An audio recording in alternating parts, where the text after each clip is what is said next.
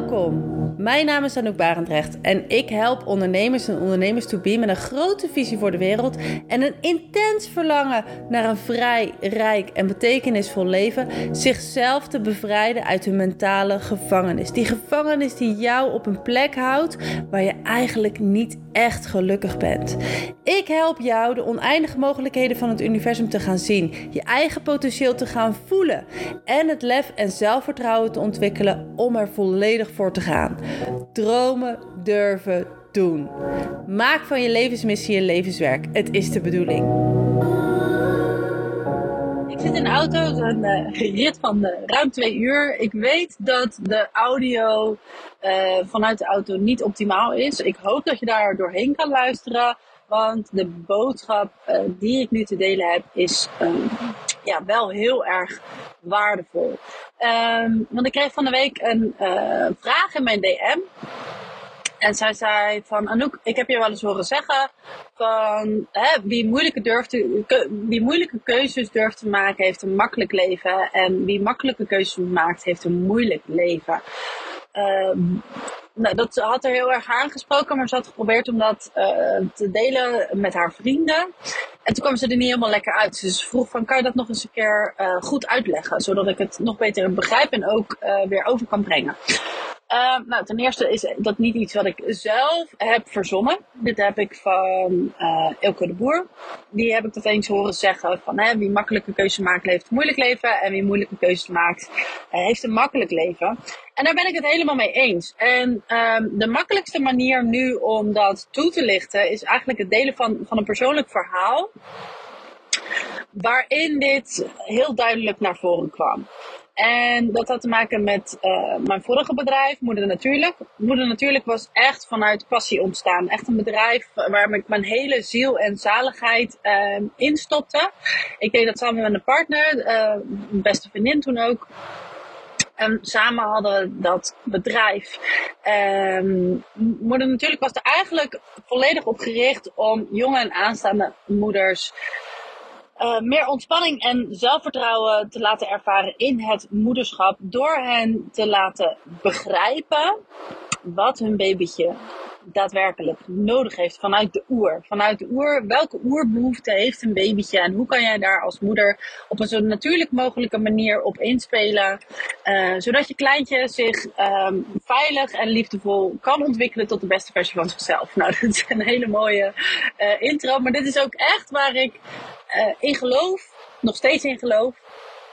En waar ik uh, ja, toen zeg maar enorm de behoefte voelde om een bedrijf omheen te bouwen. Omdat ik om me heen merkte dat er heel veel moeders, ik was toen zelf ook net moeder geworden, aan het struggelen waren. En ik heb dat eigenlijk nooit zo heel erg ervaren. Ik ben sowieso heel erg nieuwsgierig van aard. Ik uh, wil altijd, voordat ik iets doe, wil ik het allemaal tot in, in de kern hebben uitgeplozen en begrijpen. Ik wil begrijpen waarom iets is zoals het is.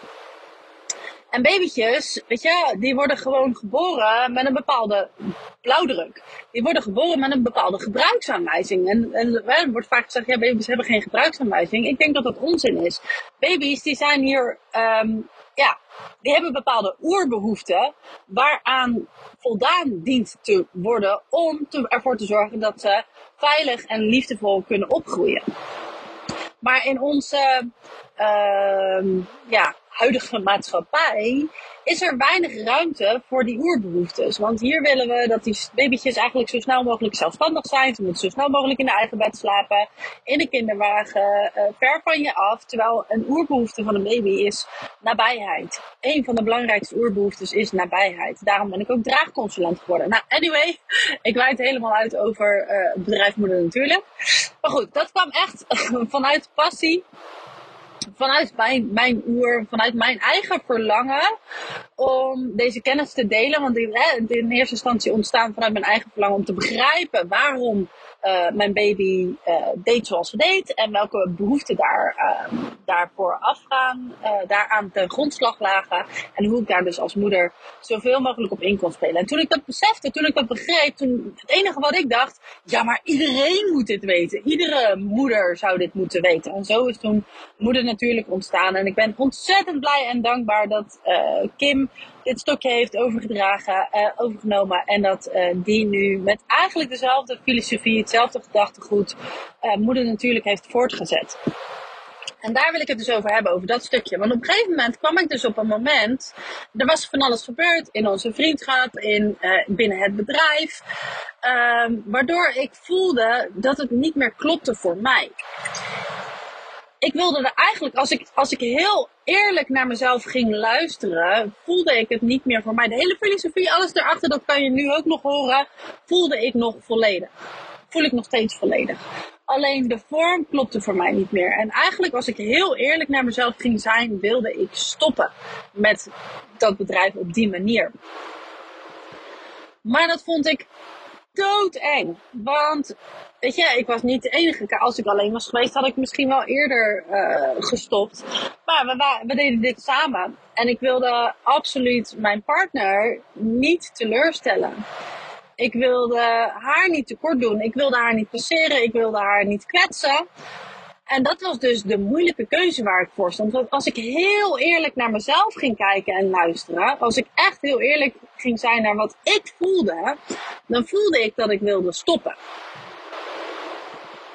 Maar dat durfde ik niet. En dat, ik denk dat dit wel echt twee jaar heeft geduurd voordat ik het uiteindelijk gedurfd heb dat durfde ik niet omdat ik bang was om haar te kwetsen, om haar pijn te doen. Dus vond ik maar dat ik maar mijn schouders eronder moest zetten en door moest gaan. En dat was natuurlijk, weet je, dat had geen, niet per se positieve uitwerking. Um, binnen het bedrijf niet, want ik was dingen aan het doen die me ja, die voor mij niet meer goed voelden, waar niet meer de energie in zat die, die er eerst in zat. En dat, ja, dat frustreerde eigenlijk enorm.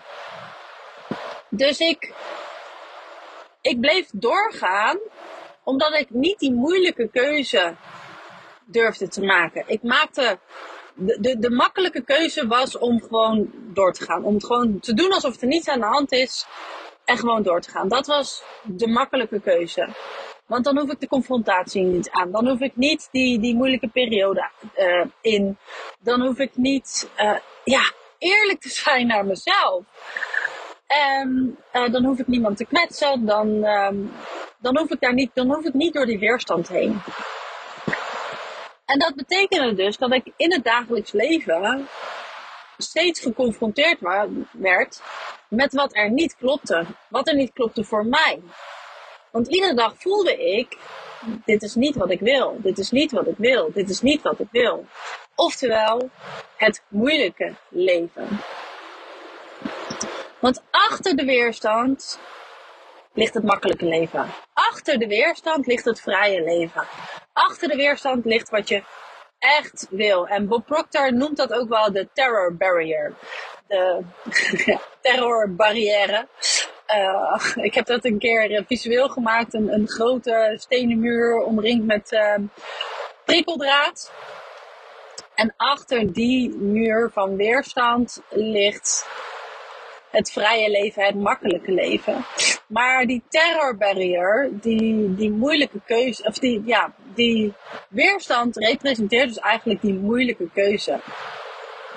Want op het moment dat ik het lef had en de moed had, en dat, dat heeft echt wel, dat moest echt hoog oplopen voordat ik daar een keer uh, gehoor aan durfde te geven. Om die confrontatie aan te gaan, om tegen mijn partner uit te spreken dat ik hiermee wilde stoppen dat ik dit niet meer op deze manier wilde doen, toen viel die terrorbarrier viel weg. En toen werd het leven letterlijk weer leuker en makkelijker. Dus op het moment dat ik de moeilijke keuze durfde te maken om eerlijk te zijn naar mezelf, want eigenlijk is dit altijd wat er moet gebeuren. Als jij eerlijk durft te zijn naar jezelf, als jij die keuze durft te maken waarvan jij voelt dat je hem eigenlijk moet maken, dat is dus die moeilijke keuze. Als je dat eenmaal hebt gedaan, dan wordt je leven makkelijker. Maar zolang jij die moeilijke keuze niet durft te maken, dus gaat voor het makkelijke, niet door de weerstand heen gaat, zal je leven met de dag moeilijker worden. Hoe verder, hoe langer je dit volhoudt, hoe verder jij verwijderd raakt van wie je werkelijk bent, van wat je echt voelt en hoe moeilijker het dus ook wordt om uiteindelijk toch door die weerstand heen te breken. Dus hoe sneller je dit doet, hoe sneller jij durft moeilijke keuzes te maken. Om, hoe sneller jij durft echt voor jezelf te kiezen, hoe makkelijker je leven zal worden. Hier geloof ik echt zo sterk in. Omdat ik het zelf dus met dit voorbeeld heb ondervonden. En op een gegeven moment heb ik ook naar haar uitgesproken van, weet je, de hele filosofie erachter, dat, dat wil ik niet loslaten. Daar sta ik nog zo 100% achter. Hoe tof zou het zijn als we iemand vinden die zegt van, hé, hey, wat jullie doen, dat lijkt me zo tof, dat wil ik ook. En die ons bedrijf wil overnemen. En dat heb ik eigenlijk weer losgelaten. En hebben gewoon zo van, oké, weet je, ja, we, gaan gewoon niet meer actief ermee verder. En dan, dan zien we wel wat er gebeurt. Nou, en toen kwam er vrij snel iemand op ons pad, Kim, die uh, moeder natuurlijk heeft overgenomen. En die, dat nu met heel veel passie en uh, liefde voortzet. Dus daar zijn we ontzettend dankbaar voor. Maar dit is dus echt waar het stukje moeilijke keuzes durven maken voor een makkelijker leven om gaat. Zodra jij durft 100% eerlijk te zijn naar jezelf. Om gehoor te geven aan wat er aan je trekt. Om op onderzoek uit te gaan. In eerste instantie alleen maar op onderzoek uit te gaan. Maar serieus te nemen wat er aan je trekt. Je eigen verlangens serieus te nemen. En dan dus de keuzes te maken die gemaakt moeten worden. Want je weet het. Je weet donders goed. En ik, ik, ik, zou zweren dat jij op dit moment een situatie in je hoofd hebt van oké, ik, ik weet dat ik hier een bepaalde keuze moet maken. Ik weet dat dit de moeilijke keuze is die ik moet maken, omdat daarna mijn leven makkelijker wordt. Maak die keuze. Wees eerlijk naar jezelf. Geef gehoor aan je verlangens. Doe wat er aan je trekt. Want het is de bedoeling. Dankjewel voor het luisteren. Ik hoop dat deze aflevering je de nodige inzicht en inspiratie heeft gegeven om meer uit jezelf en uit je leven te gaan halen. Want ik geloof echt, het is de bedoeling. En je bent van harte welkom in de gratis online community, de Rebellen van het Licht community. En deze community is het platform voor spirituele zelfontwikkeling. Dus neem je verlangen serieus en doe wat er aan je trekt. Join the revolution.